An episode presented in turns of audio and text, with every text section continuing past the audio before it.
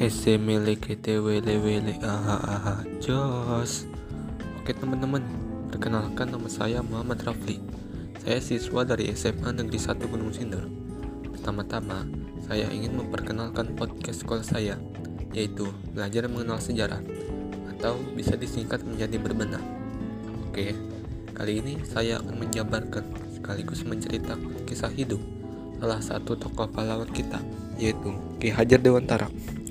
Raden Mas Suwardi Suryaningrat atau biasa dikenal dengan nama Ki Hajar Dewantara adalah pahlawan nasional sekaligus menyandang Bapak Pendidikan Indonesia. Ki Hajar Dewantara lahir di daerah Pakualaman pada tanggal 2 Mei 1889 dan meninggal pada tanggal 26 April 1959 di kota Yogyakarta ketika umur 69 tahun. Beliau adalah anak dari Gusti Pangeran Haryo Suryaningrat atau cucu dari Pakualam III. Ia berhasil menamatkan pendidikan dasar di ILS atau semacam sekolah dasar di zaman Belanda. Kemudian, Ki Hajar Dewantara melanjutkan studinya ke Stovia yang merupakan sekolah dokter khusus putra daerah, tetapi tidak berhasil menamatkannya karena sakit. Setelah itu, Ki Hajar Dewantara memutuskan untuk memasuki dunia jurnalis. Dia bekerja sebagai wartawan dan penulis di beberapa surat kabar. Contohnya seperti Medan Java, Suditomo, The Express, Kaum Muda, Utusan Hindia, Cahaya Timur, dan Pusara. Selain telaten, komitmen, dan ulet sebagai seorang jurnalis muda, Ki Hajar Dewantara Muda juga sangat aktif di organisasi sosial dan politik. Ketika Budi Utomo berdiri pada tahun 1908, Ki Hajar Dewantara masuk ke organisasi ini dan dia aktif di bagian propaganda untuk melakukan sosialisasi dan membangunkan kesadaran rakyat Indonesia, khususnya orang Jawa. Kongres pertama Budi Utomo yang diselenggarakan di Yogyakarta juga diatur oleh Ki Hajar Dewantara. Selain di Budi Utomo, Ki Hajar Dewantara Muda juga sangat aktif di organisasi Insulinde. Insulinde merupakan organisasi multi etnis yang menampung kaum Indo. Tujuannya yaitu menginginkan pemerintahan sendiri di Hindia Belanda. Sebenarnya, idealisme ini dipengaruhi oleh Ernest Dawes Dekker. Lalu, ketika Dawes Dekker membentuk Indische Partij, Ki Hajar Dewantara juga diajak untuk bergabung.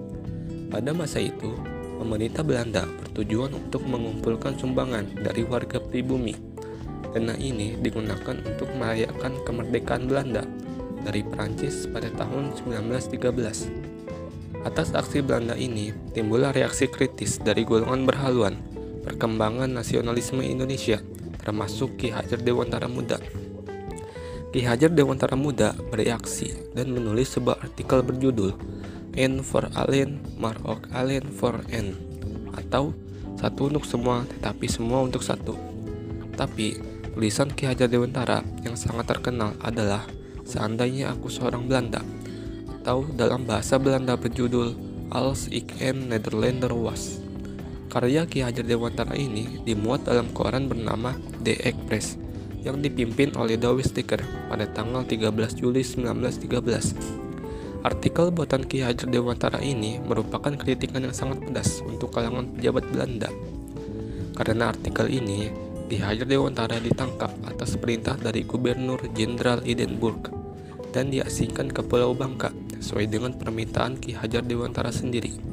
Tapi, dua rekan Ki Hajar Dewantara, yaitu Dawes Dekker dan Cipto Mangunkusumo, memprotes keputusan itu dan akhirnya mereka bertiga malah diasingkan ke Belanda pada tahun 1913. Ketiga tokoh ini lalu dikenal dengan julukan Tiga Serangkai. Ketika diasingkan di Belanda, Ki Hajar Dewantara masuk dalam organisasi yang menjadi wadah bagi para pelajar asal Indonesia. Organisasi tersebut bernama Indische Vereniging atau yang dalam bahasa Indonesia dikenal dengan Perhimpunan Hindia.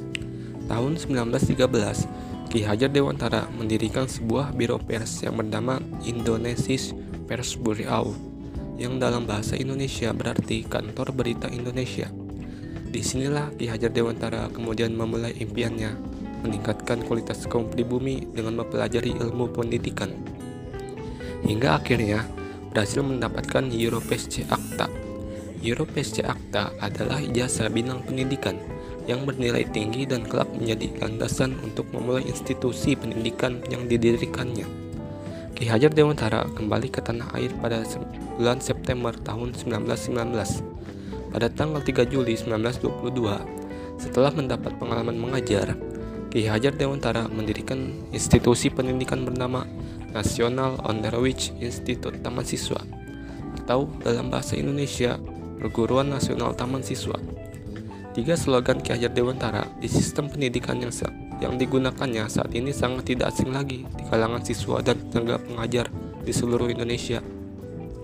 Tiga slogan dalam bahasa Jawa itu berbunyi Ingarso Sung Tulodo, Ingmadia Mangun Karso, Tuturi Handayani yang dalam bahasa Indonesia berarti yang di depan memberi teladan, yang di tengah memberi semangat atau dukungan, yang di belakang memberi dorongan. Slogan ini tetap digunakan dalam dunia pendidikan rakyat Indonesia hingga saat ini. Nah, sikap yang bisa kita teladani dari perjuangan Ki Hajar Dewantara itu banyak benar nih teman-teman.